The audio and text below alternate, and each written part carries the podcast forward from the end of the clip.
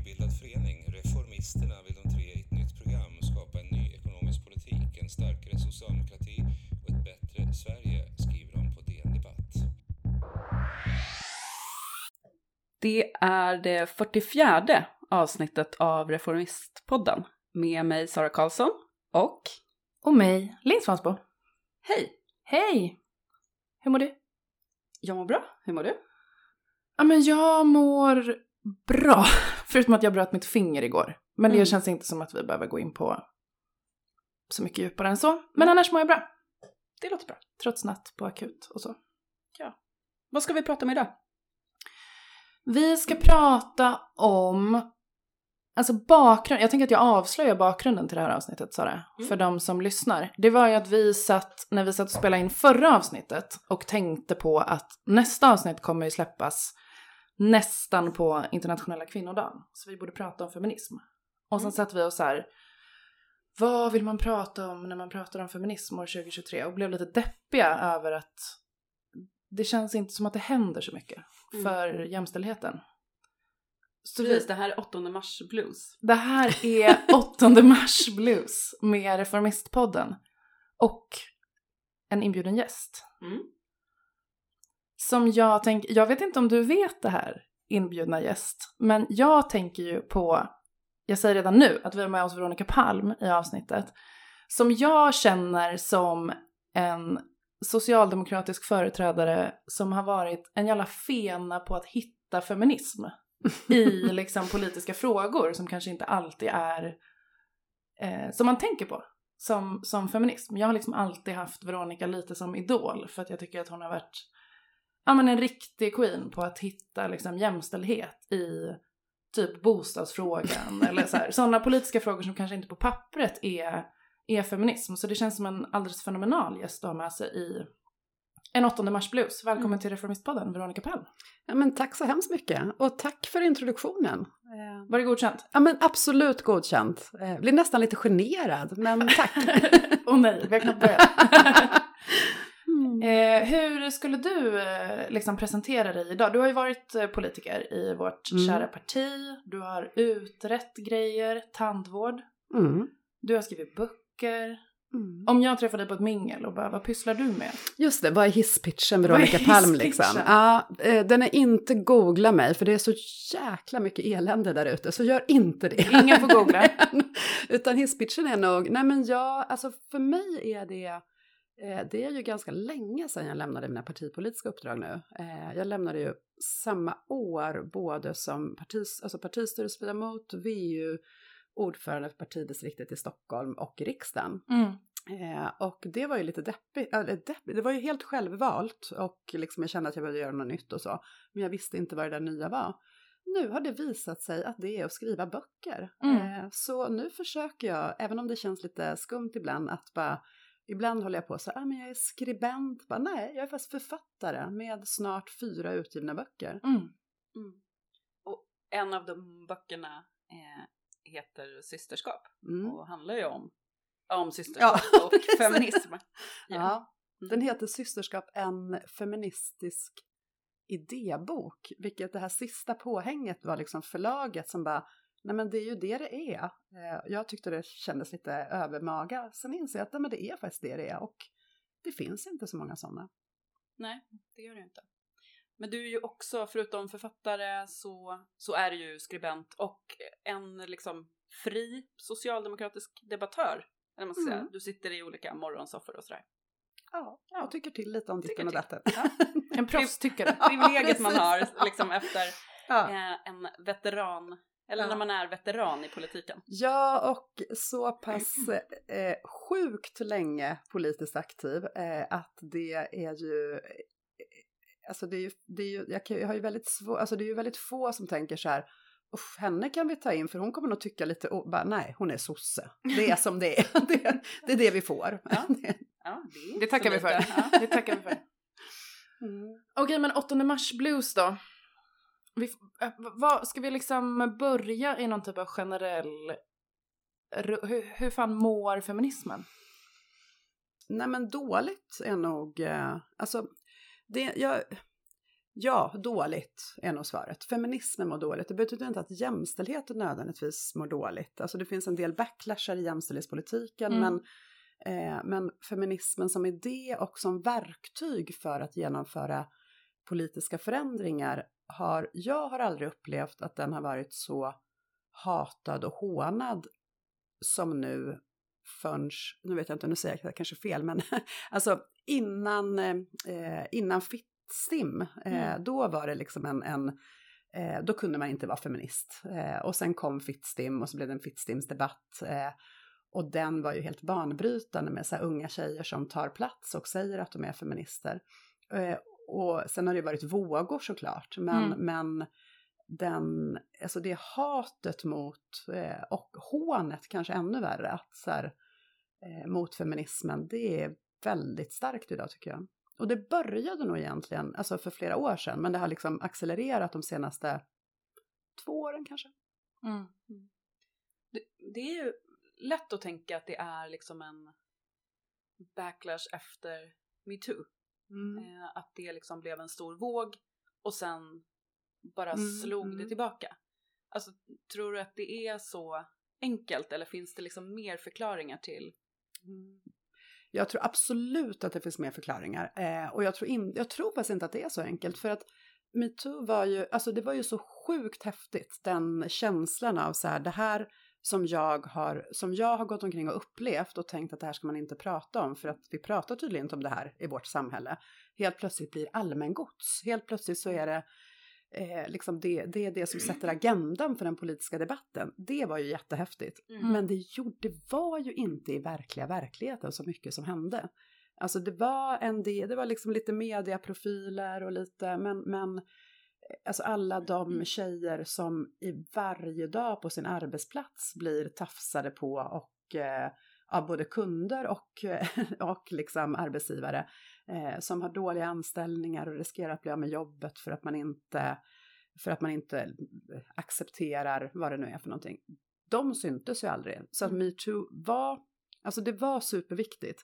Men jag tror att den backlashen som kommer nu, nu kanske jag drar det för långt och det här är inte en, ja, jag tror att det snarare är en del av en höger, högervåg Mm. eh, som sveper över världen och som är, som inte heller har haft, alltså vi hade, det var vänstervåg, sen kom liksom Thatcher och Reagan, dansade i Vita huset och sen var, sen var 20 år förstörda av, av liksom politisk Mm. utveckling. Men sen har vi ändå haft en, inte vänstervåg skulle jag inte säga, men en liksom någon form av progressiv medvetenhet. Och nu så är vi tillbaka i en högervåg men som är helt individualiserad. Där jag som liksom 50-årig tant, det kan liksom dröja decennier, äh, inte decennier, men år innan jag upptäcker vad det faktiskt är som rör sig. För att det, det är inte det som händer i Aktuellt. Det är inte Mm. det som, och det gör också att det, det kan, alltså en backlash kan pågå och jag förstår inte varför. Liksom. Mm. Men jag tänker, eller nu blir det liksom både ett resonemang och en, och en fråga här, men jag, för i min värld så är ju liksom en del av backlashen att den här, det du beskriver som någon typ av ändå, det har varit lite framgång för progressiva idéer, Mm. har ju varit så jävla dåligt kopplad till att faktiskt driva politiska reformer som Mm. förbättrar livet för många människor. Alltså att det har varit liksom en väldigt så här ja men liksom värderingsdriven och det är ju inte i sig fel men det har ju saknats liksom det har saknats någon typ av, av liksom materiell analys på att vara feminist. Det har saknats liksom eh, klasskamp i antirasismen. Det har, alltså, apropå att du beskriver det som en del av liksom högerns framfart. I min värld så är ju där vi befinner oss idag en produkt av att det är liksom nyliberala eller så här Mm, högerpolitiken som samtidigt som vi har skrivit liksom feminist på, på tatuerat kvinnotecken eller satt på oss feminist-tishor eller gått på demos och sådär så har och ju liksom in, genomfört med. samtyckeslag. Alltså det har ju hänt en del som är, som är liksom reella förändringar Mm. men som inte är ekonomisk omfördelning. Alltså det är inte riktigt, alltså ja förlåt nu avbröt jag Nej, nej, men det, det får man, det får man Ja. göra i den här podden. men men eh, jo, jo, det har ju verkligen. Men, men det är jag tänker att det banar väg, alltså att det är så många människor som inte har fått det bättre samtidigt som den här liksom progressiva framgången på något vis har, har skett i värderingar eller Mm. folk som kallar sig feminister eller liksom så. Så har ju det banat väg för att vi nu befinner oss i krig mot Mm. samma sak. Det talar ju för sig för att det inte behöver vara så himla eländigt som man vid första anblicken känner. Alltså om det, om det är, om det är, värde, alltså om det är värderingskonf, alltså bara ett värderingskrig.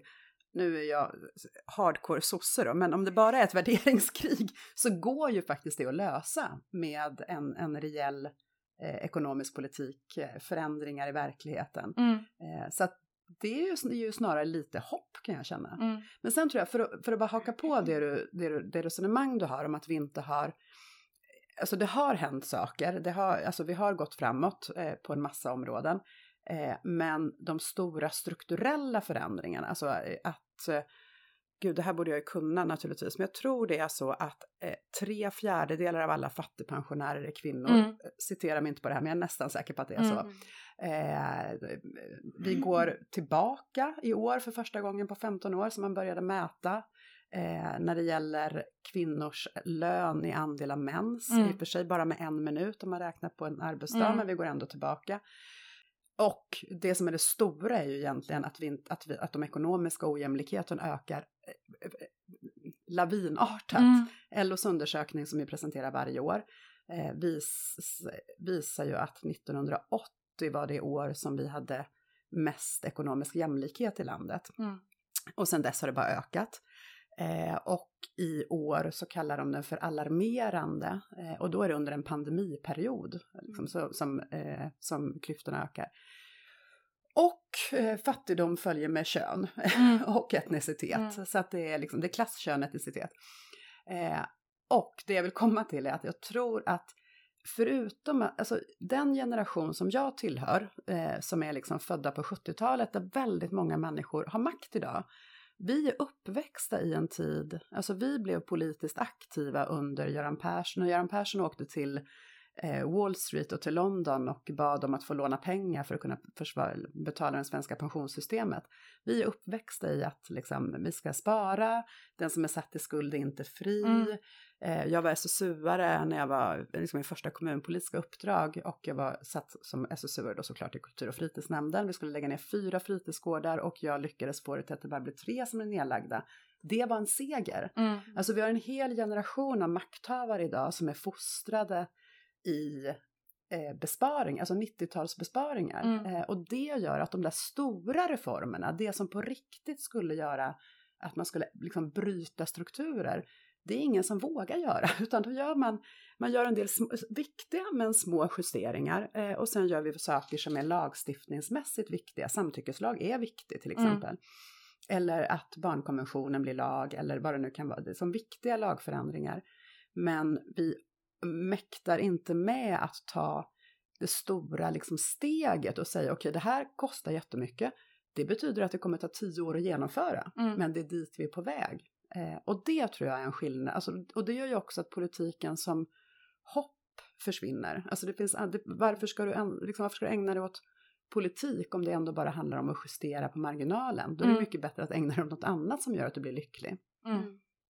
Alltså vi har pratat om det eh, tidigare i den här eh, podden att alltså just utifrån det som du beskriver att så här, vilken generation det är som, som sitter på massa maktpositioner nu i politiken, alltså att man är väldigt eh, präglad av 90-talskrisen eh, och eh, att, att man inte kan genomföra saker som kostar pengar eller som är liksom omdanande Mm. eh, så. Eh, så om man är ung och radikal eh, så är det liksom inte där man ska leta efter saker som går att genomföra utan som ung och radikal får man då vända sig till det som är representationsfrågor eller alltså Mm. den typen av kulturfrågor. Eh, alltså det har ju vi pratat om Mm. i att eh, alltså, du och jag Linn i alla fall har varit överens om, jag tror att vi är överens med dig också Veronica, Mm. eh, om att man ibland klappar unga eh, feminister och andra aktiva på huvudet lite väl mycket över så här, eh, när den vågen hade liksom börjat ebba ut lite kring det som man pratar om som identitetspolitik. Mm, mm. Alltså att man klappar eh, den generationen på huvudet.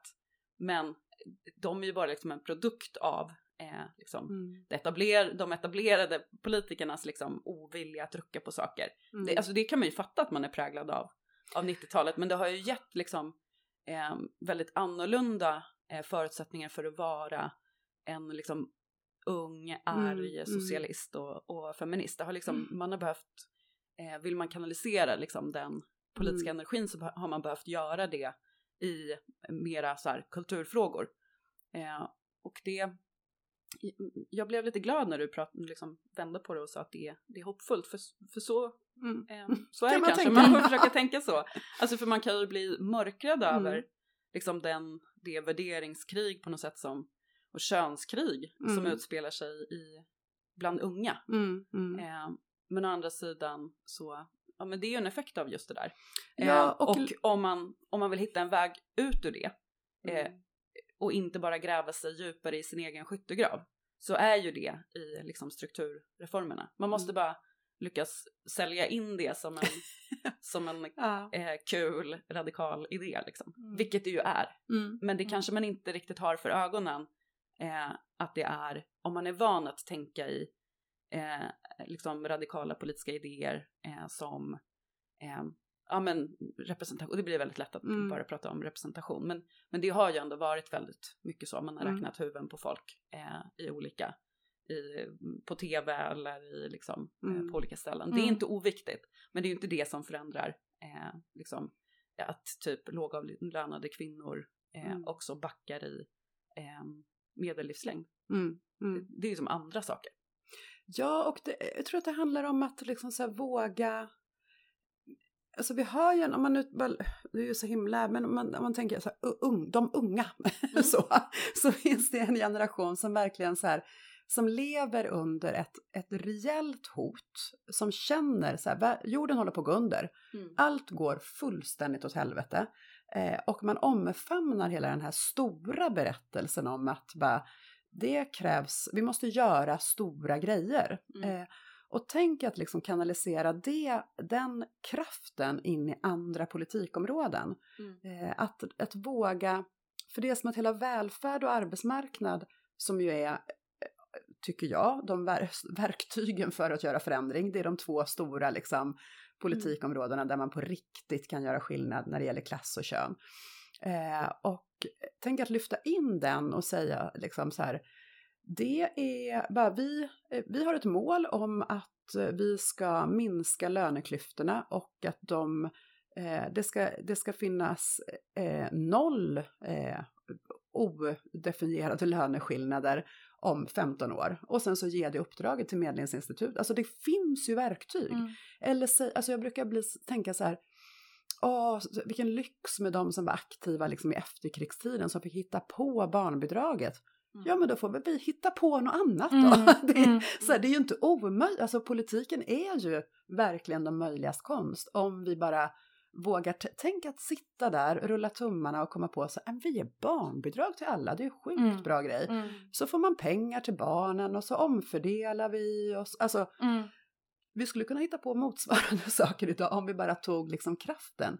Men det betyder och, och gör man det så kommer ju de här, både så att de som är så här arga, arga unga feminister kommer kunna vara en, ett, liksom en, en kraft i den där omställningen också Mm. i att, att eh, eh, utradera osakliga löneskillnader. Eh, för att det är ett stort projekt eh, och det kräver ordning och reda på lönebildningen och att staten är med och sådär. Så det kommer de kunna vara. Eh, men det gör ju också att då blir eh, Alltså då blir de andra, säga, alltså det låter ju som att man nedvärderar när man säger identitetsfrågor, det är verkligen inte det jag menar. Det är, det är, liksom, det är viktigt att få, det, det har också sitt värde, men det blir inte det enda. Det blir inte liksom en, en fight om prideflagga eller inte, liksom. För att i en värld där, där, där man lyckas liksom bryta strukturer eh, på riktigt så kommer inte det vara en fråga. Då säger jag, men hissa den eller skit i det. det Mm. Om det inte hade, det kanske regnade Mm. så man vill inte ha den uppe. Alltså det är inte, då är inte det det som gör att det blir det stora kulturkriget. Ja, nej men, och jag, jag håller verkligen med om att eh, alltså, frågor som man brukar prata om som identitetspolitik är liksom, man ska inte bara avfärda det, det är viktiga frågor.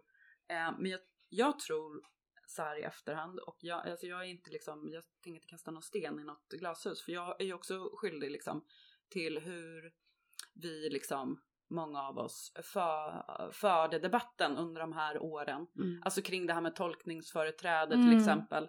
Alltså det är klart som fan att, att jag som kvinna inte vill att någon man kommer att förklara för mig att jag inte har varit utsatt för sexism. Mm. Precis som jag som viten ska förklara för en svart att den inte har varit utsatt för rasism. Alltså på det sättet så är det ju en självklarhet att det måste finnas någon typ av tolkningsföreträde. Men vi vill att en del av sådana saker får för stor plats i debatten som ju individualiserade saker. Mm. Mm. Eh, för att det är liksom på sätt och vis så underkänner man ju liksom principerna som den representativa demokratin bygger på och möjligheten att bygga en rörelse tillsammans. Mm. Eh, och alltså jag, jag tror att en del av backlashen som man eh, upplever nu och eh, liksom hur, hur debatten går, kanske framförallt då bland, bland unga, eh, handlar om att man har liksom individualiserat saker allt för mycket. Mm. Mm. Eh, att det blir liksom en, en, en debatt förd på anekdotisk bevisföring snarare än eh, liksom förankrad i liksom, eh, kunskap och teori som ju Mm. är eh, jätteviktiga beståndsdelar eh, vid sidan av saker som eh, självupplevda eh, erfarenheter. Eh, liksom, Mm. Förstår ni vad jag menar? Att Mm. det, är så här, Mm. det kan också liksom Ja, förklara blir hur en debatten så- har tagit den vändning den har gjort. Liksom. Ja, och det blir ju en, en liksom, eh, om man ska använda radikalhögens uttryck så blir det ju en så här, alltså det är ganska lätt att slå hål på en slö, sån här snöflingedebatt som Mm. handlar om liksom min psykiska ohälsa. Mm. Eh, om man inte lyfter det till att vi har en hel jävla generation av unga flickor som vi håller på att bränner ut innan Mm. de ens en gång har kommit in på arbetsmarknaden. Mm. Eh, och då, är det ju, då går det att göra någonting åt. Mm. Men, men just vad jag äter för piller och varför och om, om jag träffar, får träffa Umo eller inte är ju ointressant. Mm.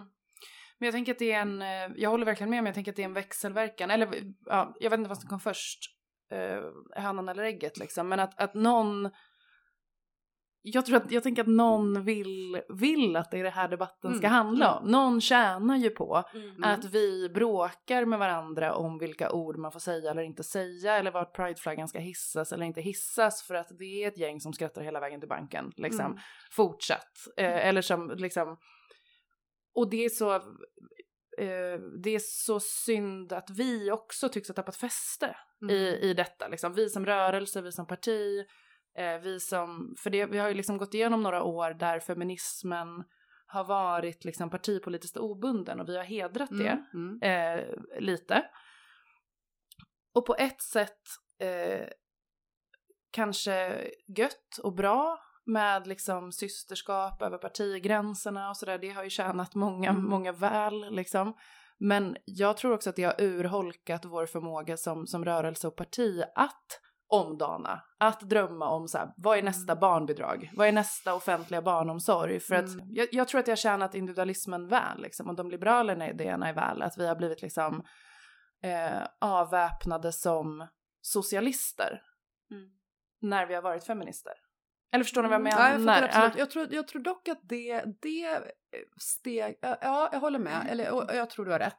Eh, men jag känner också att vi har liksom gått, alltså det har gått ett steg vidare där det fanns, säg 15 år sedan kanske, nu hittar jag på, det kan vara helt fel, men ungefär, alltså för ett tag sedan Mm. så, så fanns det någon så här, alla tjejer ska hålla ihop och vi, alltså, vi är alla feminister, Göran Hägglund var feminist Mm. och det, det. så det var liksom, ingenting var så här, alla var feminister, alla stod för tjejer.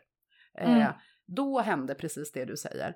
Eh, det som händer nu är ju, och egentligen efter, alltså jag har, kanske borde titta på den igen, men den eh, Belinda Olssons Min kamp, där Mm, hon, just det, just det. alltså den var, alltså hon var ju den första som i någon form av, här, i public service, Mm. som var kvinna, som var erkänd feminist, som bara gick in och satte ord på det där, alltså som, som förlöjligade feminismen, som gjorde den till att vara, att återigen bli någonting konstigt. Alltså det är en, en scen i den serien som jag kommer ihåg så himla väl, som är i Lund, förutom att hon, hon var jättetaskig mot Gudrun Schyman, men, men i Lund så var hon på ett, besökte ett badhus där det var några tjejer som ville bada topless och hade, det var liksom deras feministiska kamp.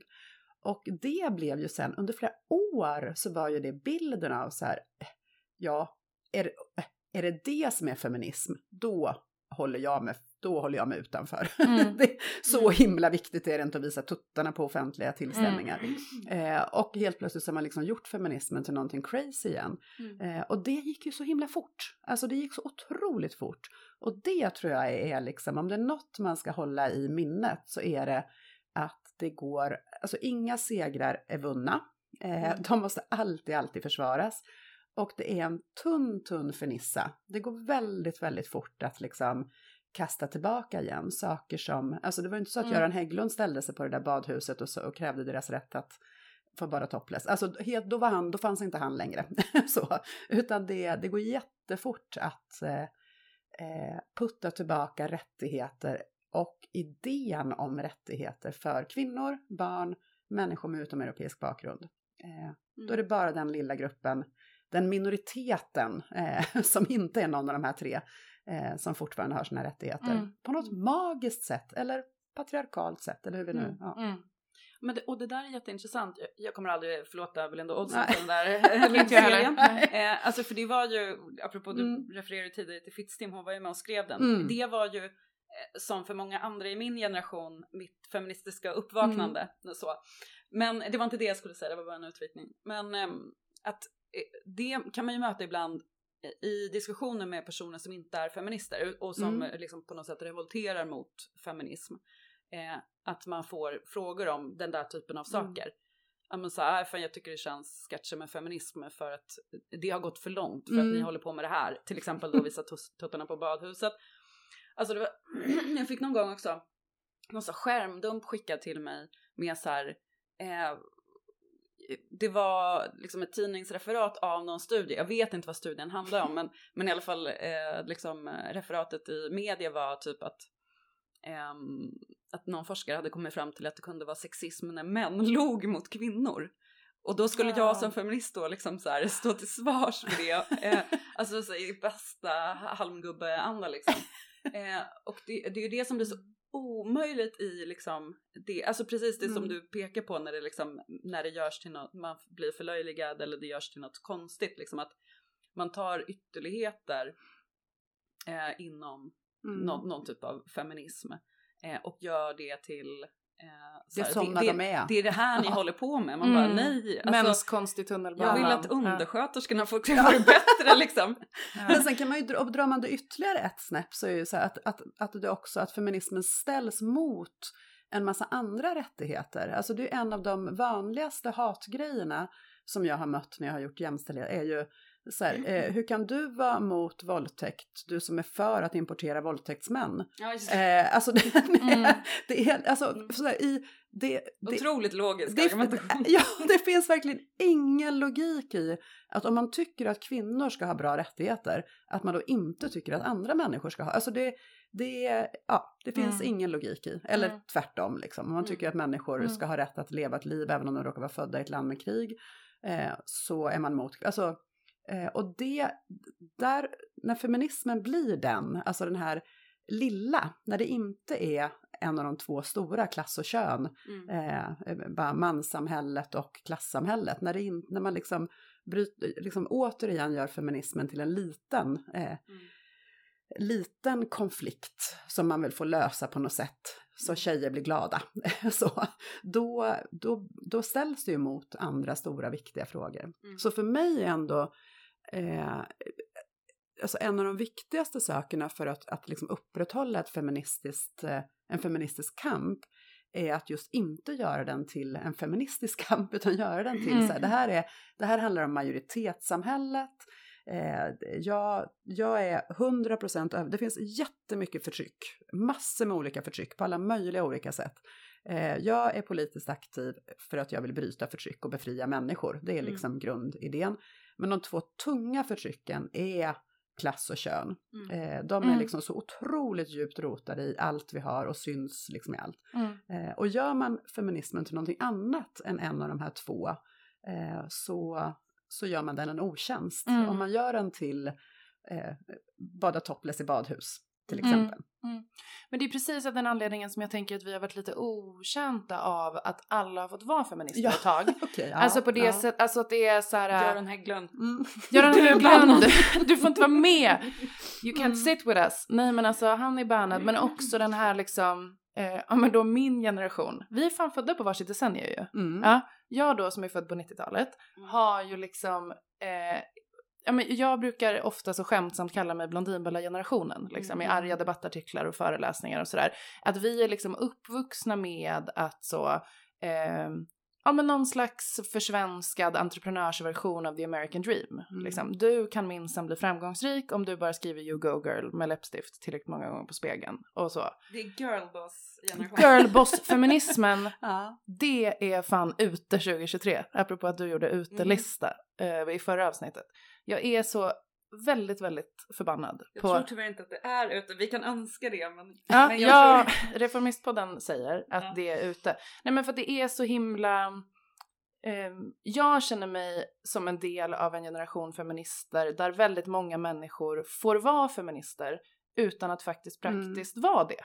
Eh, alltså det är så här, om du bara har startat ett UF-företag eh, och jag vet inte, gjort något så är det kvinnokamp för att du är kvinna. Liksom. Mm. Eller så, då är, då är det godkänt och då ska jag, då ska jag stötta det. Det. Jag ska backa det. Mm. För att jag ska backa tjejer liksom. Och då ska Eh, du köpa alla Blondinbellas produkter. Ja, och då spelar det ingen roll tjejer. att det är en liksom fattig arbetarkvinna i Bangladesh Mm. som har sytt tishan. För Mm. det står feminist på den. Och då kan Mm. jag köpa den för 99 kronor på H&M. Mm. Och den, för nu har vi och, och det känns som att vi har liksom kommit ur nu. För Mm, nu är det mm. ju inte, eller så här, nu är det ju krig Nu igen. inte, nu är det inte hm tischer längre. Nej, nu är det inte hm t längre. Men det, det var ju det ganska nyss Mm. liksom. Och jag, jag tänker att anledningen till att vi, eller en av anledningarna till att vi befinner oss i en situation där så många är antifeminister Mm. uttalat och hatar feminismen är för att det som har varit feminismen de senaste åren inte har ägnat sig åt feminism. Alls. Fast den är ju å andra sidan, alltså att, att köpa t-shirtar och eh, liksom dyra produkter är ju en helt ofarlig feminism. Hade jag varit, hade jag varit kvinnohatare så hade jag gillat den. De Jo. hade gärna fått pyssla med att bara lägga alla sina pengar på smink. Men det har ju liksom banat väg för att folk ska bli antifeminister. För att det är ju Mm. det, alltså samtidigt har ju liksom folk blivit fattigare och nu dör arbetarklasskvinnor tidigare och eh, folk går i pension utan att kunna leva på sin pension och det banar ju väg för de idéer som politiskt kapitaliserar på eh, förtryck och Mm. orättvisor. Och det, så nu har vi liksom ännu mindre handlingsutrymme för de riktiga feministiska idéerna för att folk hatar feminister. Ja, och det kan väl snarare vara så tänker jag att det, att det, nu förlåt, jag ska inte liksom, men att att det, den typen av feminism, när den har liksom gått för långt eh, så eh, gör det att kvinnor, eh, alltså man är inte mer än människa, man vill vara lite fin, man Mm. vill hänga med, man vill, man vill ha en snygg t-shirt, Mm. man vill, alltså så. Eh, och när det blir ban, när, liksom, när feminismen sen slår över, om, om det då går från, alltså det var ett tag cool att vara feminist, nu är det inte det längre. Eh, då är ju, alltså de vi tappar i den feministiska kampen är ju de här Alltså så här vanliga tjejer som bara vill så här, man vill ha det schysst i Mm, livet, man vill ha en mm. helt okej lön. Men man tänker inte att man behöver krossa patriarkatet för det, för man är okej med en schysst lön och att förskolan funkar och att gubben hjälper till lite hemma och ja, så. Ja, och att jag hade inte, jag hade inte liksom föraktat den här girlboss-feminismen lika mycket om det hade pågått riktig feminism Ja, samtidigt. Alltså det är väl det, att jag, jag tänker att den har liksom, den har trätt in i ett utrymme av att ingen har drömt om barnbidrag. Eller liksom formulerat Mm. reformerna som är motsvarande 1944 års liksom massiva barnomsorgs... Alltså Mm. vi har inte... De, de drömmarna och de politiska reformidéerna har inte funnits liksom för att vi har varit på, jag vet inte, Mm. någon typ av generell reträtt vad gäller liksom arbetarrörelsens idéer. Och in träder Blondinbella. Mm. Eh, och sen får alla vara feminister ett tag och då ska vi bara backa varandra och high-fivea varandra för att... Och så eh, blir det liksom lagstiftningsfrågor som är som sagt superviktiga. Alltså förändringarna i, i sexualbrottslagen är jätteviktiga. Sjukt det är, viktiga. Ja, verkligen, verkligen sjukt viktiga. Eh, Men de ändrar inte de, de, gör inte, de ändrar inte de materiella, de, de, de gör inte att du får bättre pension. Nej, och nu, är, nu befinner vi oss i ett läge där vi inte har liksom förbättrat de materiella villkoren eh, och inte ens, jag vet inte, gör anspråk på att försöka förbättra de materiella villkoren eh, samtidigt som högern är på attack. Mm. Liksom. Och jag tänker att de kan vara det tack vare att vi inte har, att vi inte har gjort de här sakerna Men, de senaste decennierna. Och då hamnar vi i någon typ av försvarsposition som bara är så här, högern är eh, rasister, eller ja, SD är rasister, SD är abortmotståndare, eh, surrogatmödraskap är kvinnohat. Eh, alltså så här, och det är inte fel i sig, Mm. men sen då? När vi har skrivit de debattartiklarna, liksom Mm. x antal gånger. Vem, vem drömmer om, vart Men ska vi formulera testa, får jag liksom? testa en idé på er som jag har tänkt på länge, som jag börjar bli tvivla på. Mm. Eh, jag har nämligen under lång tid ställt mitt hopp till männen. Eh, Mm. eh, De här 30-35-åriga papporna som Mm. inte vill vara, de tänker inte acceptera att vara någon så andra, papp, andra Mm. förälder. Eh, De vill vara en del, liksom aktiv Mm. del i sina Mm. barn. Alltså så här, bara goda män Mm. som är en helt ny generation. som, som inte, alltså de fanns inte i min generation. Där, I min generation började man dela på barnbidragen, och man, eller vad heter det, barn, föräldraförsäkringen. Men det var ändå på, på mina premisser. Alltså det var Mm. så här, jag som gav, delade med mig av Mm, min föräldraledighet. Så. Eh. Ja. Snällt, eller hur? Mm. Eh, Men det, alltså nu finns det en helt ny, alltså de har jag ställt mitt hopp till jättemycket och tänkt så här, men fan det händer grejer alltså. Det, och det gör också att det frigör deras tjejer, de får möjlighet att liksom, ingen ifrågasätter att de är på arbetsmarknaden. Helt plötsligt så blir den här möjligheten, alltså skälet till att eh, inte ge den 25-åriga tjejen extra utbildningen som gör att hon kan ta ett steg längre bara för att hon är tjej, för man tror att hon ska vara föräldraledig, det argumentet faller om vi har en massa män som också, alltså, ja, ni, fattar, Mm. ni kan hela Mm. argumentationen. Och sen kommer Andrew Tate, hela, Mm. alltså manosfären. Mm. Eh, är det så att, alltså vad händer med männen? Jag, jag, jag känner mig genuint orolig över att de här männen som du pratar om, som de goda männen eh, som är småbarnsföräldrar nu, eh, bara blir en parentes. Ah, jag tror Eh, så deppigt. För att det pågår ju en konservativ våg bland de unga eh, där eh, ja, men man börjar liksom uppvärdera hemmafru-ideal och att det är så här, ja men vad är, det så, vad är det som är så fel om jag som man, jag är ute och fixar pengar och jag startar företag i olika saker. Mm. Vad är det som är så fel då med att, eh, att vilja ha en, en kvinna som är, som är hemma och tar hand om Mm. barn och tar hand om mig, ser till att middagen är lagad när jag kommer Och hem. jag är schysst mot henne, jag fixar grejer, köper handväskor och bara, Mm. ja. Precis, hon kommer ha ett bra liv, hon, Ja. hon kommer ha pengar. Mm. Ehm, för att man, det, det blir ju en helt, ja men återigen, det är ju en helt individualiserad syn Mm. på, Mm. eh, på det här. Att man inte liksom förstår vad det gör med ett samhälle. Eh, alltså att det är en struktur som skapas Mm. av, av det. Att det inte liksom, eh, det är inte bara eh, en individ som väljer något och så lever man lycklig alla sina dagar. Mm. Utan det är liksom, skapar en struktur där det också finns en massa skit eh, och där kvinnor blir återigen ekonomiskt beroende av män, Mm. måste stanna i relationer och bli Mm. misshandlade. Och Allt de det här, allra liksom. flesta av de här männen kommer ju inte tjäna miljoner. Nej, eh, nej, nej. Utan de allra flesta av dem kommer ju vara så här Tyvärr, det vanliga kommer vara jävla- mer mediokert än så. vanliga jäkla snubbar men som ändå vill ha en hemmafru. Ja. Så, eh, och då betyder det att då kommer han, då kommer ja, precis, möjligheten att få en hemmafru åtminstone ett och ett halvt år är att hon tar hela föräldraförsäkringen. Mm.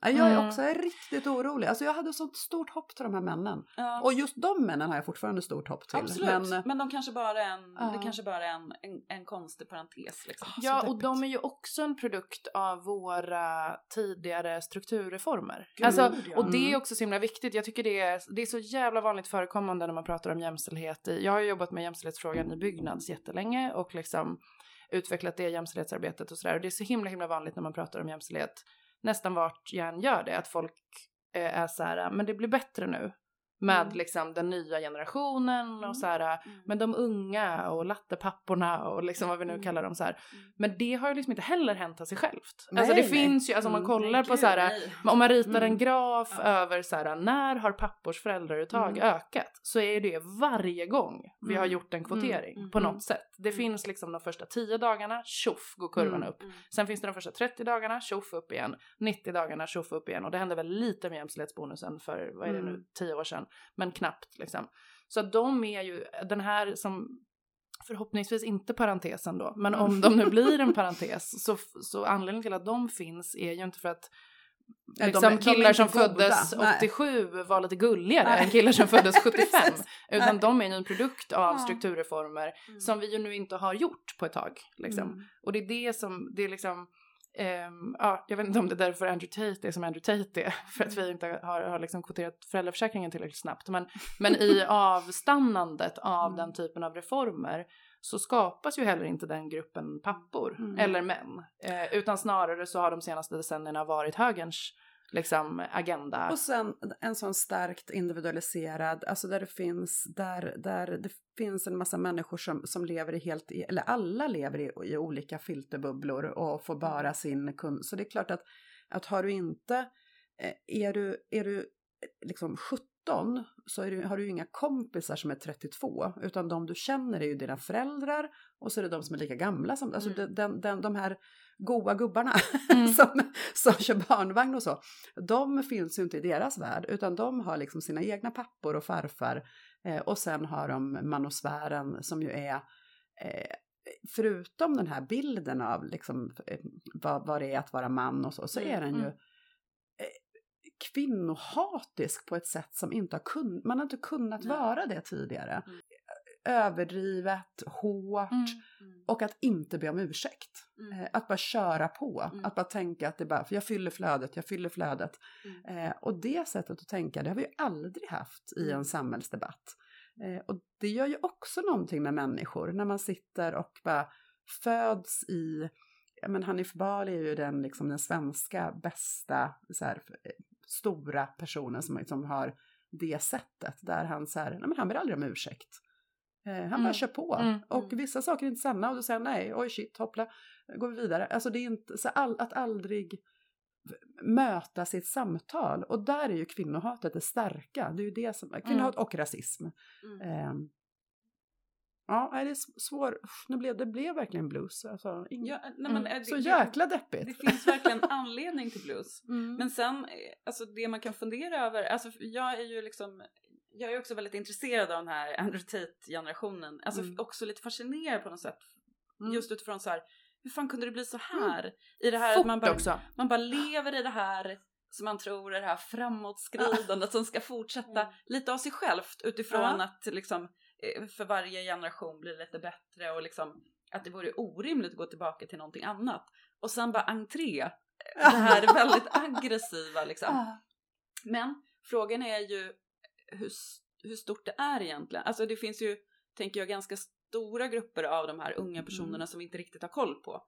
Eh, alltså det kanske, de, det kanske Mm. inte är så stort som vi tror. Eh, det är bara de, som är mest vokala. Mm. Jag vet inte. Det kan ju vara ett sätt att, Ja, och, det kan ju vara någon slags självbedrägeri för att hitta hopp. I don't know. ja, och det är ju så här, det, är, det kan ju omöjligt vara så att alla de här tänk, liksom, landar i någon form av incel-liv. Alltså det finns ju, de ska ju i sitt liv också möta kvinnor. Mm. Och de kvinnorna är uppväxta i, alltså de kan ju både vara bossgirl, så här, jag skaffar det här coola sminket och då är jag feminist, men de är ju också, alltså de är ju ändå jämfört med de kvinnor som de idealiserar hemma, alltså Mm. det är ju väldigt få, få av så här, unga tjejer i Sverige idag som, som tänker att hemmafruidealet är något Men jag bra. är orolig för dem också. Alltså har du Ja, sett de- KDU-tjejerna? Ja, Och okej, har ni sett eh, William Hane, ni vet? Ja. Han som var SD Mm, och sen blev Han är ju gift för med en Sverige. av dem, Är han tjejerna. alternativ för Sverige? Mm, Ja, det är mycket möjligt att han är. tror Ja, nu är de upplösta för Kasselstrand har flyttat utomlands Ja, här är i veckan. oklart, och det är lite men rörigt. han är någon slags... Mm, eh, ja. Han är gift med en av de, SD. eh, Han är gift tjejerna. med en sån tjej. Ja. Och hon har ju startat en YouTube-kanal. Japp.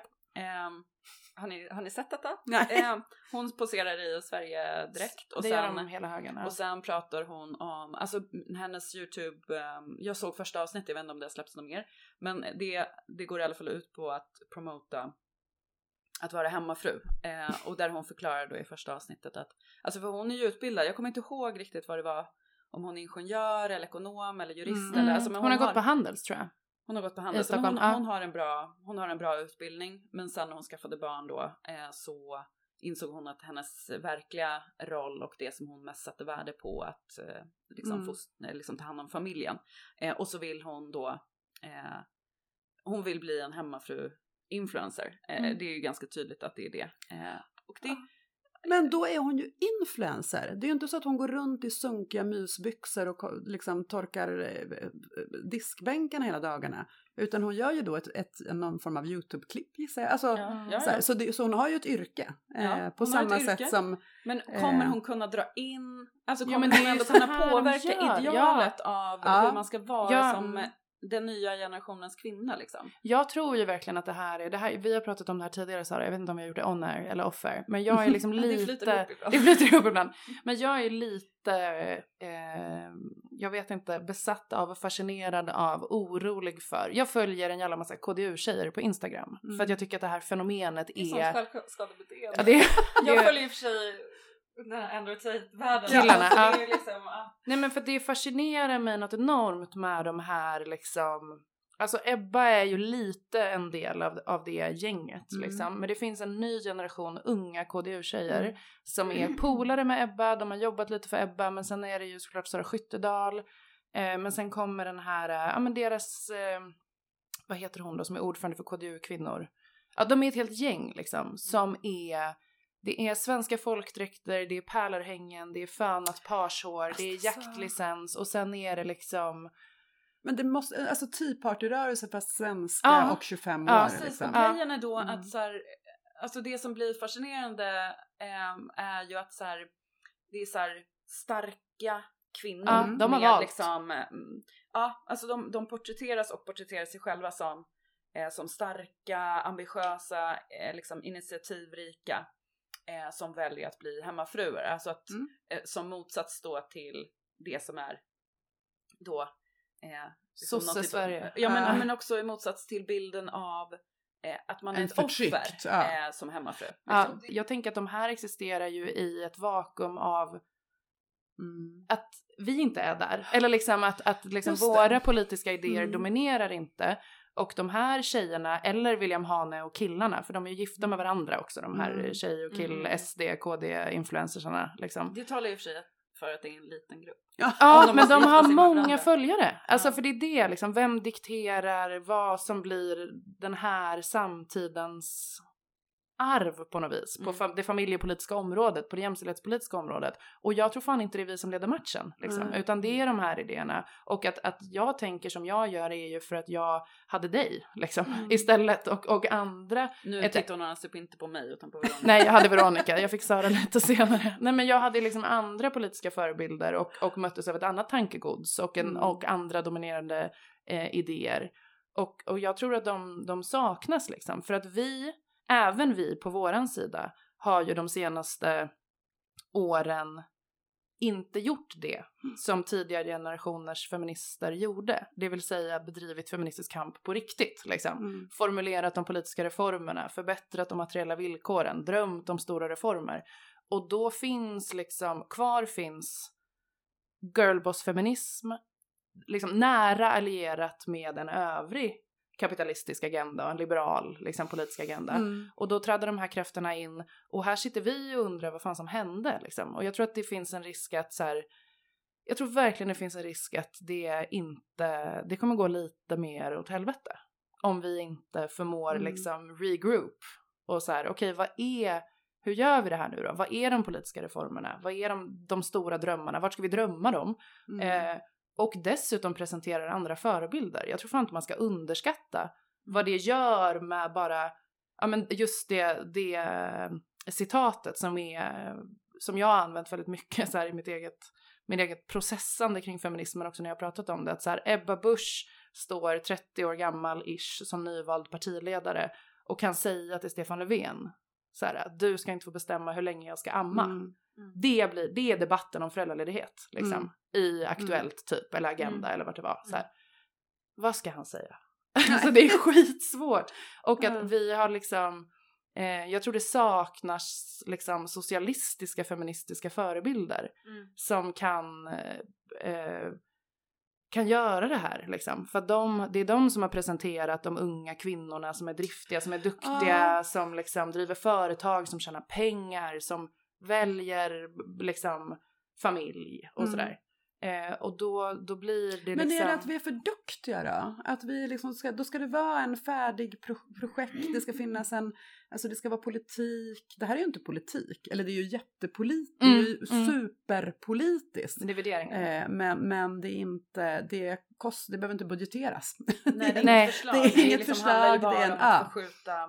Och det eh, finns, ja, Liksom. och det finns liksom, alltså vad skulle, och det är väl, alltså det, det det går tillbaka till är ju att det är ju det som är den stora, eh, nu är jag kanske lite tjatig, jag tycker kön är superviktigt, men jag tycker också klass är aningen Ja, relevant. Gud ja, ja, ja. Och det går ju tillbaka till den grundkonflikten, arbete, kapital, eh, alltså hög, så här, om, du, om din vision om samhället är att ha så lite samhälle som möjligt, Mm. eh, då är det ju mycket enklare att lägga förslag. Alltså, Mm. då är ju förslaget, jag gör det här, jag går runt här och ammar i Mm. två år och driver en YouTube-kanal och det är absolut politik. Men om du har idén om att så här, vi behöver rusta föräldraförsäkringen, vi behöver ha en låglönesatsning som eh, i offen- whatever liksom, så Mm. är det så kostar det pengar och du måste ta dem någon annanstans Mm. ifrån. Eh, och när det är någon annanstans ifrån så finns det några områden som alltid är fredade. Mm. Eh, militären till exempel, eh, det är inte, så- där Mm. tar vi inga pengar ifrån, vi bara lägg, öser pengar över dem. Alltså det finns, det blir som, som feminist och vänster så blir man alltid i konflikt med någonting som är så kallat opolitiskt, Mm. det vill säga bara finanspolitiska ramverk, eh, militära budgetar, Mm. ja, vad det nu kan vara för någonting. Men, men det är ju därför vi kanske borde ta den på en höger-vänster-skala. Mm. Alltså man kan ju ta den mot kapitalet också. Mot liksom dollarmiljardärerna Mm. och de som bygger så här tjuvjaktsparker i Stockholms skärgård as we speak typ. Och det är väl, Ja. det är väl precis därför jag, jag tänker att liksom Ja men nästan där jag liksom började resonera, någon tjänar på det här. Liksom. Någon Mm. vill att vi ska bråka med varandra, någon vill att det ska handla om värderingar, någon vill att vi ska sätta välfärdsposten mot försvarsposten i Mm, budgeten mm. liksom. För att vi fick 442 nya dollarmiljardärer i Sverige de senaste tio åren. Liksom. Och det är ju en växelverkan. Jag vet inte vad som kom först, men jag tror, jag tror verkligen att det går att bedriva feministisk kamp nu. Kanske, alltså det här är Mm. nu från blues till eh, lucka av handlingsutrymme då, eller så här, vad vi borde göra. Det finns ju det finns ju mer matchbollen på riktigt länge, tänker jag. Att ta omfördelningsfrågan på en höger-vänster-skala. Mm. Där vi vill omfördela från fett få som Mm. är riktigt, riktigt rika till, till resten. Liksom. Det Mm. vill ju inte William Hanes fru prata om. Nej. Gud vad antifeministiskt att vi inte vet vad hon heter. Vi Nej, bara kallar henne William jag- Hane. Hon heter Evelina kom jag faktiskt på. Alltså. Ja, Ja. Evelina Hane heter hon, det Ja. stämmer. Det vill inte Evelina Hane att vi ska prata om. Liksom. Mm. Okej, nu har vi varit på paus. Mm.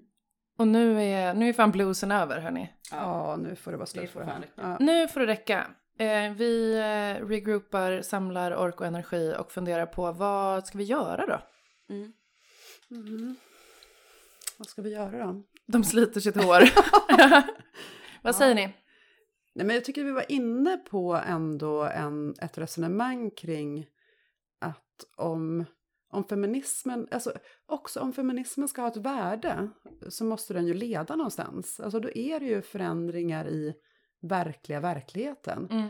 Eh, och även om jag skulle önska att vi kunde liksom ge Medlingsinstitutet uppdraget att bara bryta all eh, könsbaserad eh, löneojämlikhet på fem år, eh, ge eh, parterna på arbetsmarknaden uppdraget att bara utjämna all klassojämlikhet på tio år, Mm. så kommer inte det hända. Men vi kan börja. Mm. Alltså det är så här, vi, det är, det, vi, det, vi måste ändå tro att Mm. det är möjligt. Att det är möjligt att, att rucka på maktstrukturerna på arbetsmarknaden och i välfärden. Eh, för tror vi inte det, då, ja, då vet jag inte vad vi ska hitta på. Nej. Nej. Mm. Men jag tänker också det, alltså att, alltså att återupprätta feminismen som, som verktyg, eh, som inte hånobjekt. så, Mm. så, så blev jag nästan lite rodnad och väldigt glad över din introduktion, Linn.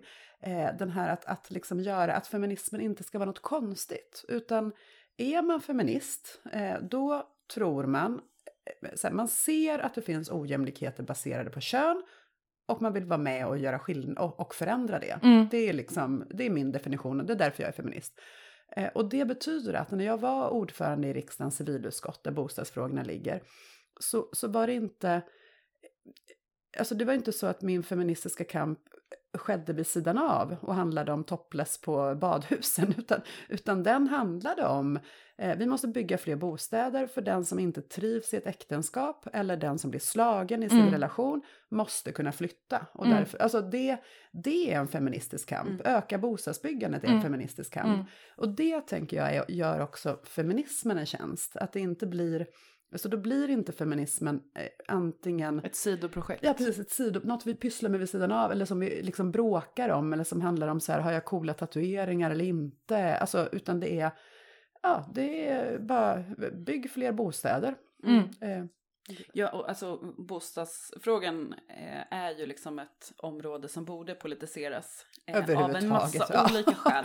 Ja. Men som ju också borde vara en jätteviktig Mm. feministisk eh, fråga för alla. Mm. Men inte minst för unga kvinnor. mm, alltså för att ja, det är såklart svårare för unga att ta sig in på den här otroligt dysfunktionella bostadsmarknaden som ju vi har bland annat Mm. i, eller framför allt här i Stockholm. Liksom. Ja, och jag tänker att det gör att man inte, alltså att feminismen inte blir en fråga, alltså eh, när vi började att jämtegrera, kallar vi det, va? statsbudgeten Mm. och de jämställdhetspolitiska frågorna och så, så var ju det ett, verk, alltså ett sätt att, att inte göra det till någonting konstigt. Mm. Eh, men nu i den här backlashen så blir feminism, antingen så blir feminism blir sådana, men nu tar jag det här topless på badhus, men alltså den det blir så här hardcore-frågor, alltså Mm. konstiga frågor som är så här, det där projektet vill inte jag vara med i. Och jämställdhet handlar bara om de strikt köns, alltså då är det bara samtyckeslag, eh, sexualbrottslag, Mm. eh, kvinnolöner. Eh, och då gör man ju jämställdheten till, och så skulle man ju inte tänka kring klass, att det bara handlar om fattigdomsfrågor. Nej. Eh, Utan där handlar det om här, bryta strukturer, generell om- allomfattande välfärd, Mm. ja, de stora viktiga frågorna. Så det tänker jag ett, alltså att, att inte...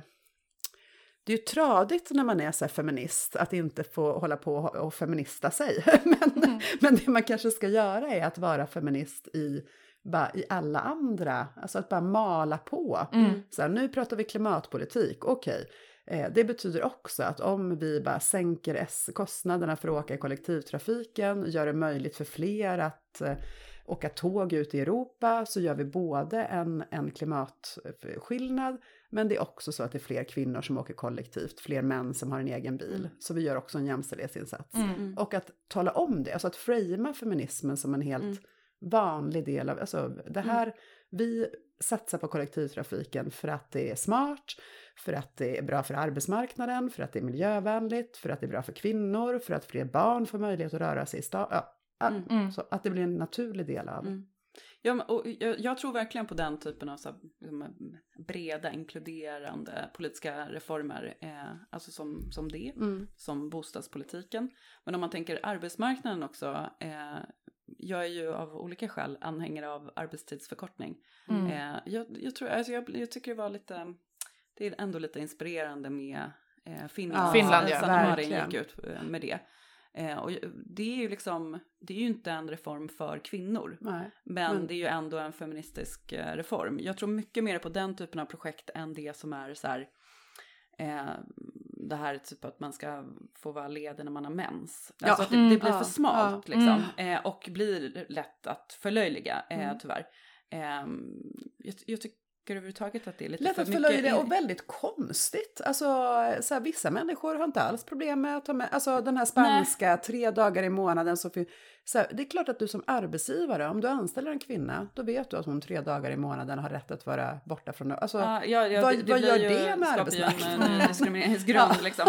Eh, mm. Överhuvudtaget liksom, fokuset på, på mens tror, tror jag är lite ett eh, mm. fel, fel inkörning också det här med gratis mensskydd och sådär.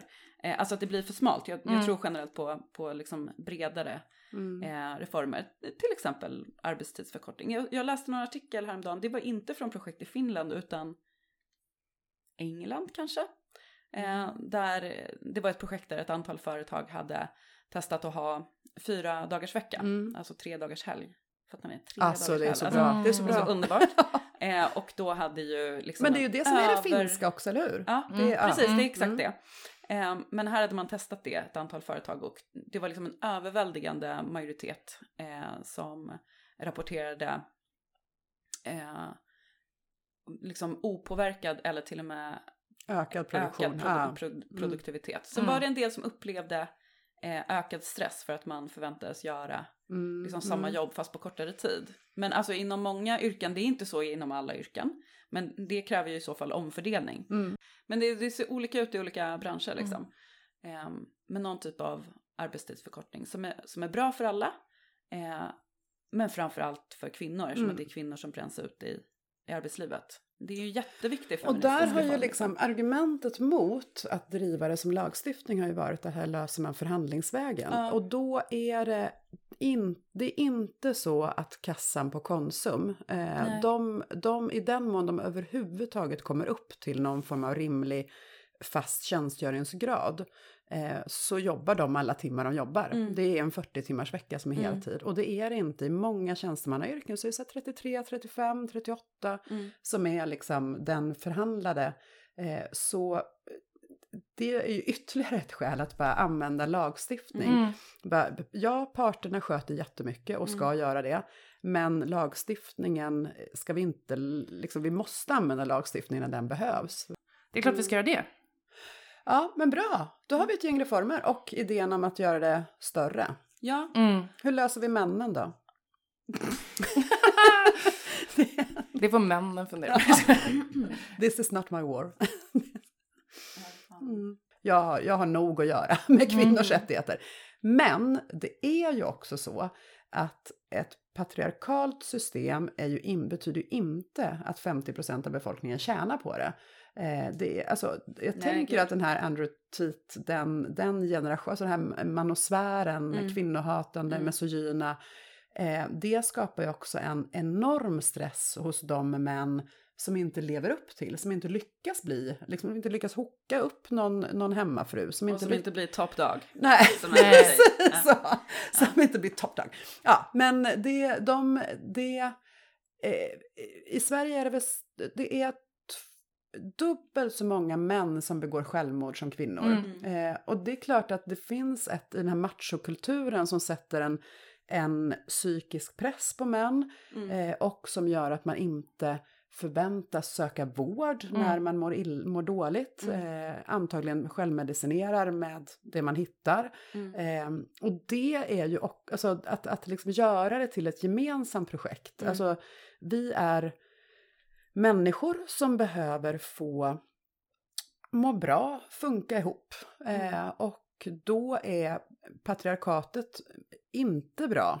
Det är precis som Linn började liksom, mm. det är bara några tjänar på det här. Mm. Eh, mm. det är inte alla män. det, är, det, är verk, det är en Nej. liten grupp som, som tjänar på, precis som, alltså det gör ju patriarkatet och klassamhället lika. Mm. Alltså det är ju verkligen inte så att det är alla liksom i alla som inte är arbetare som mm. tjänar på ett klassamhälle. Socialdemokratins hela idé har ju varit att knyta klassallianser mm. Mm. Eh, för att den lilla gruppen som tjänar på det ska få mm. pröjsa. Mm. Eh, och tänka likadant när man mm. tänker Men jag tror verkligen att det är så man får med sig männen. Mm. Apropå hur gör vi, liksom, hur, hur gör vi då med, med, det, med dem? Ja. Att, det, att det är ju, det, det är så man gör. Alltså inte, jag, jag tror att det är jag, jag, tror att man ska akta sig för att ingången ska vara liksom um, mäns psykiska hälsa eller, eller den, den Nej, finns nej, också. ja. Men liksom, det, det, för det är också en del av den här vårtidsfeminism som har blivit så här,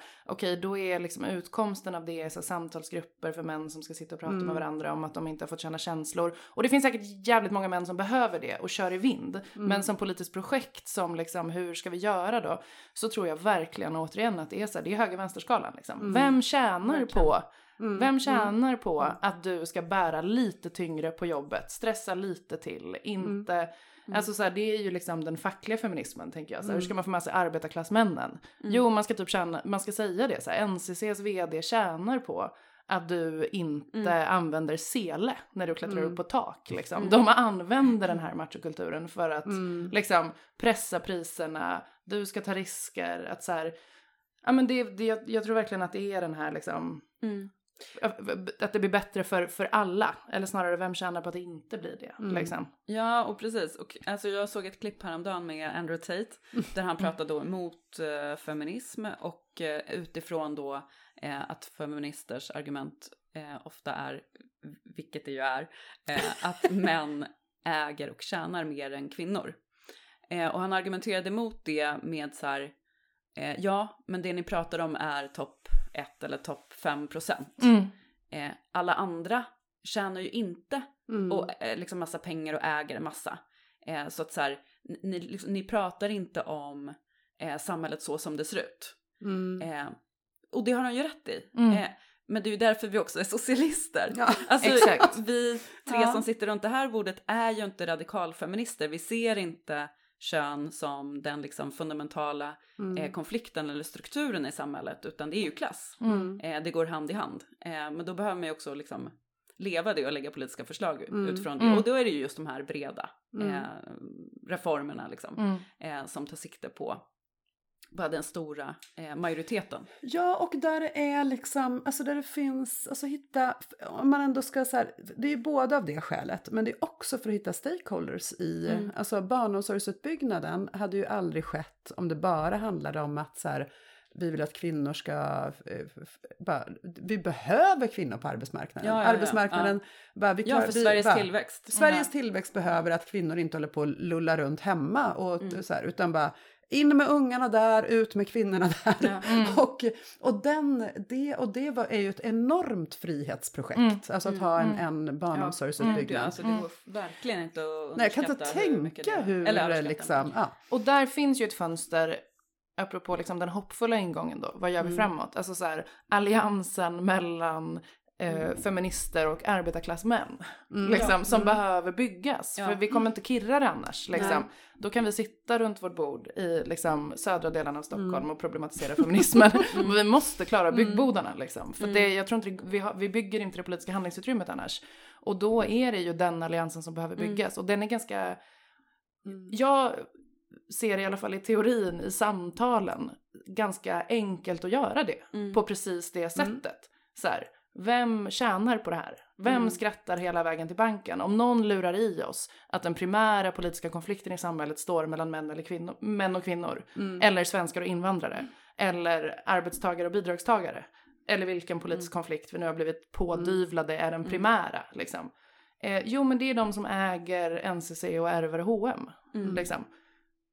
De flesta av dem råkar vara män. Det är, Mm. därför, det är därför det går åt skogen med livsinkomstskillnaderna. Mm. Liksom. Men den alliansen går ju att bygga om vi är feminister och socialister Mm. samtidigt.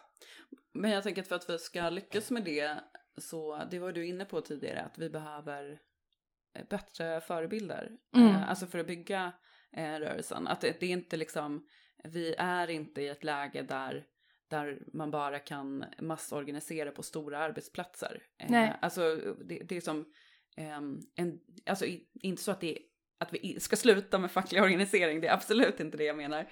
Ehm, men Tack, det, är- det är ett mycket mer komplext eh, samhälle eh, att organisera människor och mobilisera för politisk förändring. Och det kommer också behöva ske i sociala medier. Mm, Det känns ju så mm. tradigt att säga det. Mm. Men det är ju så, vi, vi har liksom inte eh, vi har inte samma utbyggda infrastruktur av eh, förebilder och eh, vegetation eh, däremellan liksom, som, som högern har. Eh, och det behöver vi skaffa oss liksom, eh, Mm. för att bygga rörelse, Men också för att minska det här då som vi pratade om tidigare att, att använda vissa ytterligheter som, eh, som liksom uttryck för det här är det ni feminister håller på med. Mm. Jag skulle bara vilja illustrera med ett exempel på liksom hur, köns, hur jag i alla fall, saker som jag ser i då, hur det här könskriget som pågår i sociala medier. Det har varit en stor grej 2022. Eh, nu, nu har det ändrats, men eh, på TikTok eh, att eh, tjejer på gymmet, har ni sett det här? Eh, alltså att Nej. tjejer på Nej. gymmet eh, smygfilmar eh, killar som de hänger ut som creeps. Okej. För det vet vi alla, alltså alla som Mm. har varit på, på ett gym några gånger vet Mm. att det finns en del män som beter sig illa, alltså så här raggigt på ett, eh, på ett sätt som överträder ens gränser. Eh, eller ehm, dåligt på det sättet att de kommer med ovälkomna Mm. tips eller Mm, liksom mm, bara är störiga liksom. Ehm, och alltså det är ju ett reellt problem, men det är ju en extremt liten grupp män som beter sig så. Mm. De flesta är bara där för att göra sin egen skit. De struntar fullständigt i vad du håller på med, Mm. oavsett om du är man eller kvinna. Eh, de flesta kan gå till gymmet och ingen tittar på en, Mm. mer än bara Mm. noterar en så. Eh, men då, liksom de filmar sig själva när de gör övningar och sen dyker upp någon man i bakgrunden som kanske bara tittar på dem och så hänger de ut dem som creeps. Och man kan ju liksom identifiera de männen. Mm, mm, Eh, alltså extremt destruktiv mm. eh, trend eh, som har pågått. Ehm, och eh, det blir ju då en, i, i den generationen som finns på TikTok, en, de här tjejerna blir representanter för feminismen. Mm, mm, eh, mm. Att så här, Det är det som är feminism. det här är feminism, att liksom tycka att Hänga ut snubbar som råkar ha ögonen på. Alltså, ja. Ja, för ibland är det ju typ liksom kanske att man ockuperar ett helt område och någon kille kanske skulle vilja ha en maskin som är i närheten Mm. och därför tittar för att se så okej vad pågår där borta, skulle jag kunna använda det här eller liksom, ja, Mm. och så blir man uthängd som, som ett creep. Sen har det kommit en motreaktion på det då, där, eh, alltså det har minskat antalet videor där, där tjejer gör det här och istället så har det varit killar som förlöjligar då eh, och hånar det här genom att så här, lägga ut klipp där de eh, typ så här ehm, sitter och tränar och så kommer en tjej bara in i blickfånget och då så drar de ner typ en mössa de har på sig eller sådär för att Ja.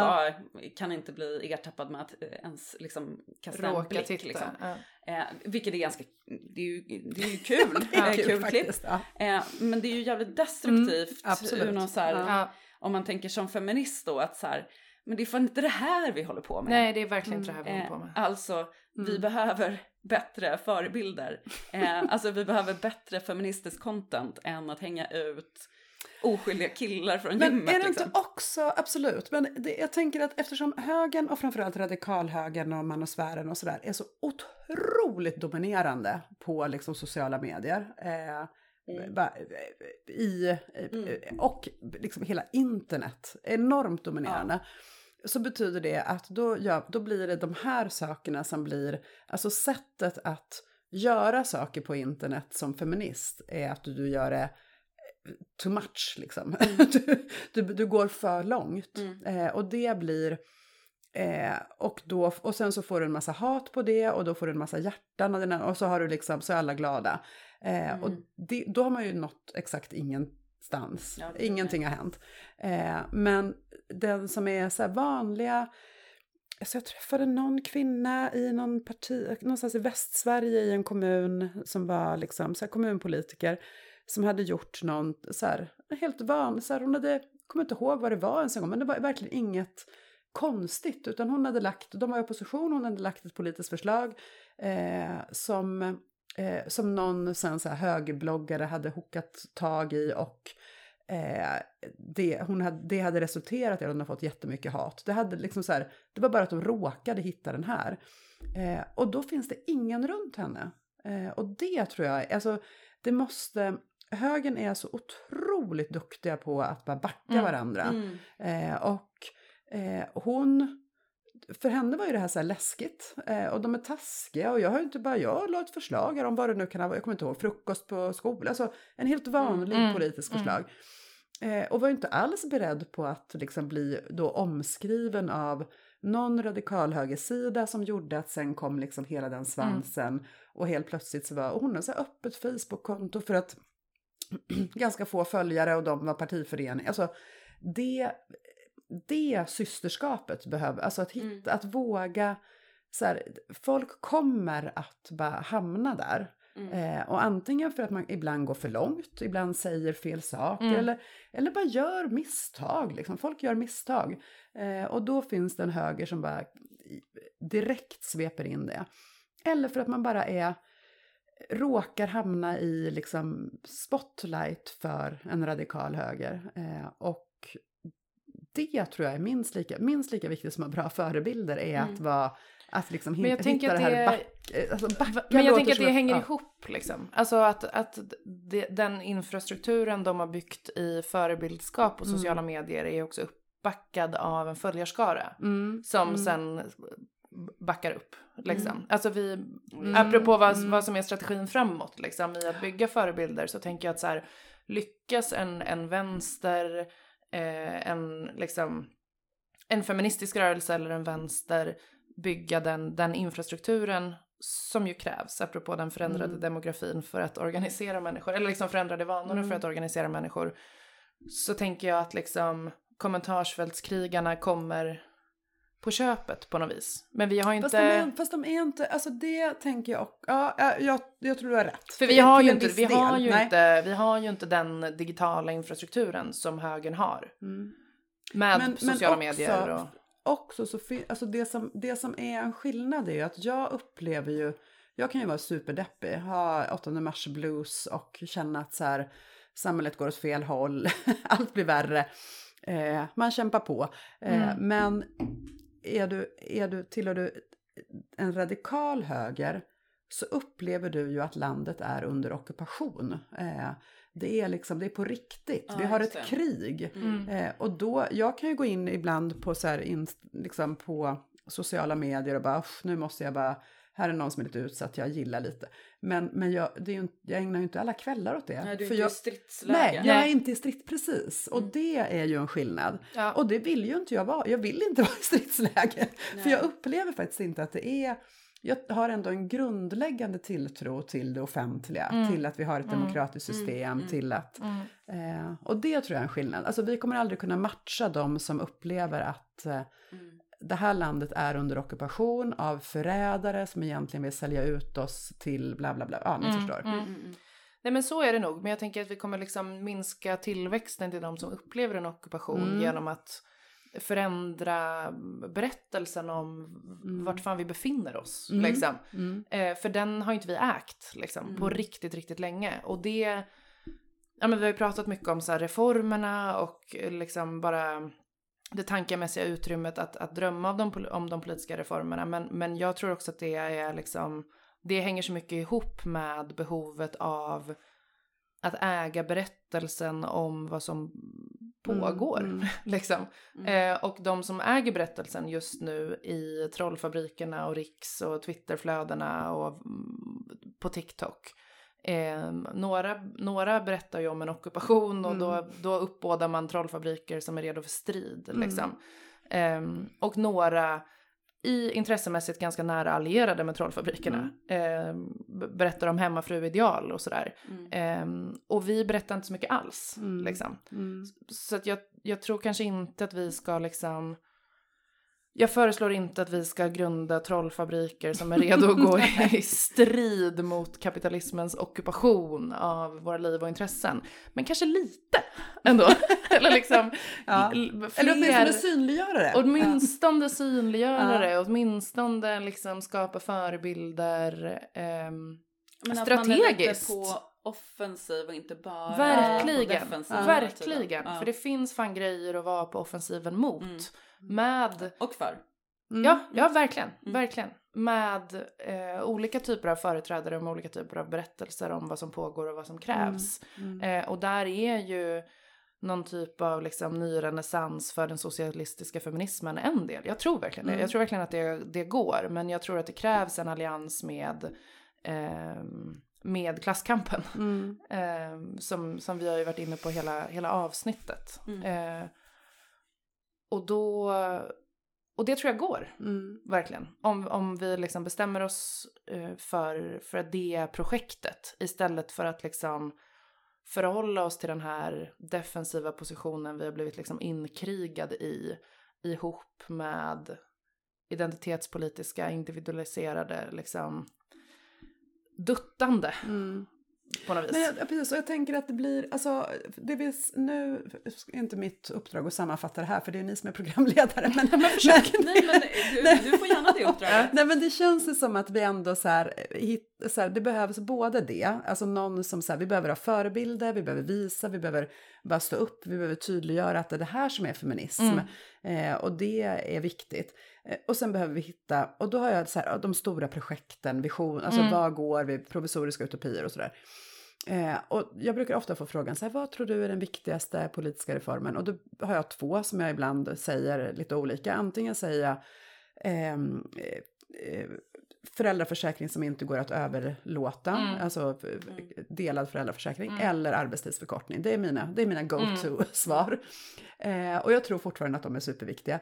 Men jag tänker att det kanske ännu viktigare är att hitta en stor politisk reform, vad fan som helst.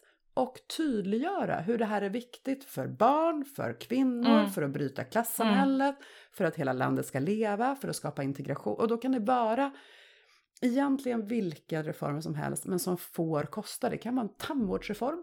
Har ju utrett det, så jag har en idé om hur man ska kunna göra det. Det skulle kunna vara hellre arbetstidsförkortning än tandvårdsreform om jag ska vara ärlig. Eh, men någonting som ändå så berör människor och som all, så här, men att inte vara rädd för att tala om att det här är, in, det här är också en feministisk reform. Och det går att göra kring i princip vad som helst. Och då, då är det ju, alltså de senaste åren så har ju egentligen alla ekonomiska, alltså överallt där vi har ökat ekonomiska utrymme eller liksom gett mer pengar till, har, eller nu, inte över, väldigt mycket har handlat om militärer. Eh, det tänker jag att det ska det inte vara. Eh, Det ska inte vara ytterligare bestycka Gotland, det är vi klara med. Vi behöver inte fler vapen i världen. Eh, utan det finns liksom andra saker. Ehm, ja, det är bara en stor... Jag träffade, också för att upprätthålla liksom diskussionen om det. Jag träffade Kommunals ordförande i veckan och käkade lunch med henne. Och då berättade hon att de har... De går in i, de har ju privata avtal nu och sen så har de offentliga nästa. Alltså de avtalen löper ut efter, vilket är fel och ovanligt att det är på det sättet. Men de säger det är, alltså den, all, för ett och ett halvt år sedan förstod alla att hemtjänsten behöver mer resurser. Eh, det var liksom hela, hela idén om pandemin var så här, sjukvården, hemtjänsten. Idag har de inte det. Alltså det faller tillbaka så otroligt fort. Ja. Om man inte liksom, om man inte ligger på och talar om att det inte blivit bättre i hemtjänsten. Nej. Eh, Det ser lika illa ut idag. Så det skulle kunna vara en enorm hemtjänstsatsning som ju både är, ja, men ni förstår idén. Ja, alltså ja, vi behöver och, och skapa en, en bild av det här är det här är problemet, det här skulle man kunna uppnå. Vi är beredda att lägga alla de här pengarna. Eh, men det är också en reform för, alltså hemtjänsten är ju en reform, eh, jämställdhetsreform på massor med sätt. Ja, det är verkligen. kvinnors arbete, det är kvinnors möjlighet till arbete, det är mest kvinnor som bor i, ja, det, Ja. Mm. Så stora reform, eller en stor reform. ja, en stor reform. Ja. Ja, och den workshopen får kanske fortsätta utanför den här inspelningen. Tänker att partistyrelsen skulle kunna ha den workshopen. Ja, Eller litet hur? tips. Och så redovisa resultatet sådär fram till kongressen ungefär. Mm. men To- Tobias, du är välkommen att ringa oss för konsultation. Ja. Ja. Gud ja. Nej, men det var en bra sammanfattning tycker jag, Veronica. Så kommer vi lösa den här bluesen hörni. Precis. Men jag tycker redan det känns lite bättre. Verkligen. Mm. Vi kanske behöver eh, gruppterapi oftare, vi Ja. feminister. Faktiskt. On air och off air. Det, det kan vi behöva. Mm.